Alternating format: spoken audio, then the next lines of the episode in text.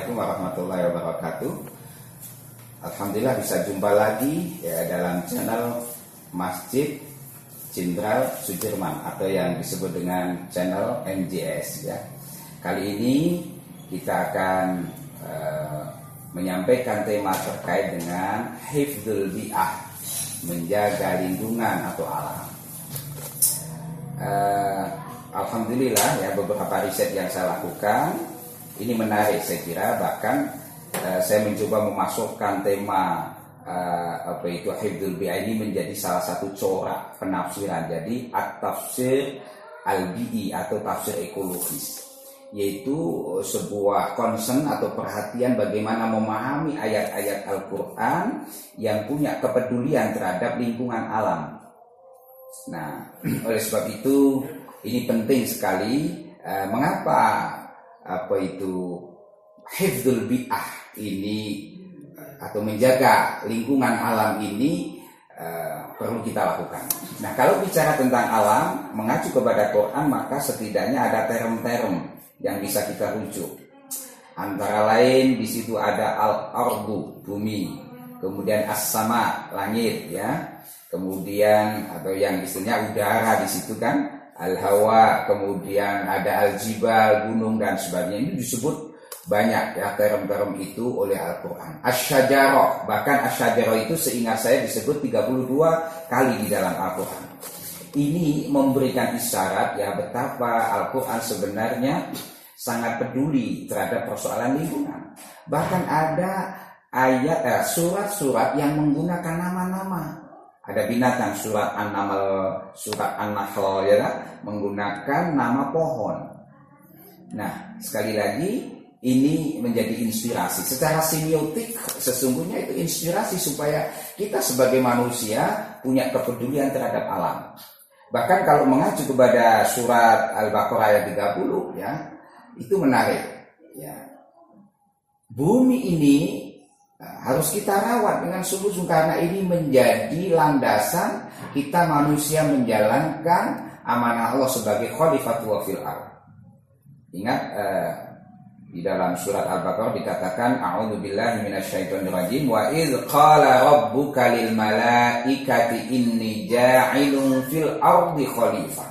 Dan ingatlah ya ketika Tuhanmu berfirman ya kepada para malaikat ya inni ja'ilun fil ardi khalifah. Sesungguhnya aku akan menjadikan ya seorang khalifah di muka bumi ini. Nah, itu menarik Pertama ada dua hal yang ingin saya analisa terkait dengan menjaga lingkungan atau alam ini. Di situ Tuhan katakan fil ardi di bumi bukan alal ardi bukan pakai ala. Itu punya faedah makna ya dalam teori tafsir bahwa fil ardi itu artinya part of the earth, bagian dari bumi. Jadi manusia itu bagian dari bumi. Kalau pakai alal ardi itu akan membawa kesan manusia akan mengeksploitasi bumi. Nah ini tidak boleh satu. Manusia sesungguhnya adalah bagian dari bumi, maka jangan merusak bumi. Alastum yakni khuliqtum min turab. Bukankah kalian diciptakan dari bumi? Wa masyaitum ala turab. Kalian juga berjalan di atas bumi. Wa dufintum fit turab dan kelak nanti kalian juga akan dikubur di dalam bumi. Nah, itu artinya apa? Merawat bumi ini bagian dari hifdzul bi'ah merupakan sebuah keniscayaan sehingga kalau bumi ini kita rusak dengan perilaku-perilaku yang destruktif, membuat polusi, merusak lingkungan dan sebagainya, maka itu sesungguhnya sama dengan menandatangani kerusakan manusia itu sendiri. Sama dengan menandatangani kehancuran eksistensi manusia itu sendiri. Yang kedua, di situ fil ard dan ini di dalam Al-Qur'an kata al selalu dibuat mufrad tunggal ini memberikan isyarat bahwa bumi ini satu-satunya yang harus kita rawat. Karena apa? Kalau bumi ini rusak nggak ada gantinya. Jadi seolah Tuhan berkata, wahai manusia, bumi yang layak untuk kamu tinggali ya di muka, di dalam dunia ini ya bumi bumi yang kamu sekarang tinggal itu bukan bumi yang lain, bukan di Pluto, bukan di mana-mana, tapi di bumi ini. Sehingga kalau satu-satunya bumi ini kamu rusak, kamu tentu tidak lagi bisa tinggal di bumi. Nah, maka sekali lagi kesadaran ecological consciousness, kesadaran ekologis merawat bumi, merawat lingkungan ya, itu menjadi sangat penting dalam kehidupan kehidupan ini dan ini bagian dari komitmen keberagaman kita.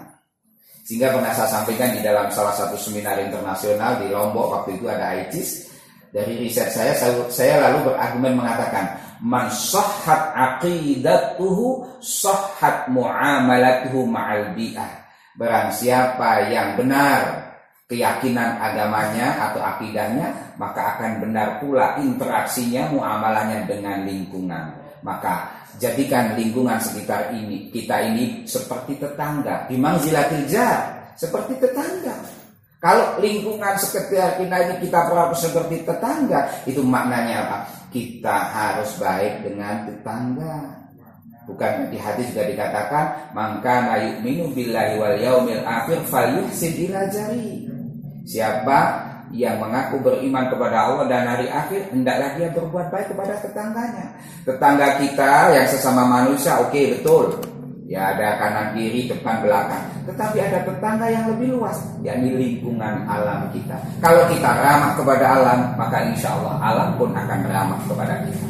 Demikian nah, sekilas tentang uh, perspektif tafsir ekologi. Semoga membawa kesadaran baru buat kita bahwa kita memang harus baik dengan lingkungan, maka insya Allah lingkungan akan baik. In ahsantum ahsantum li anfusikum wa in asatum falaha. Kalau kalian berbuat baik kepada lingkungan, ini makna kontekstualnya, maka lingkungan juga akan berbuat baik kepada Anda. Tapi sebaliknya, kalau Anda berbuat tidak baik, maka nanti dampak-dampak negatif dari lingkungan yang dirusak akan kembali kepada diri kita masing-masing. Wassalamualaikum warahmatullahi wabarakatuh.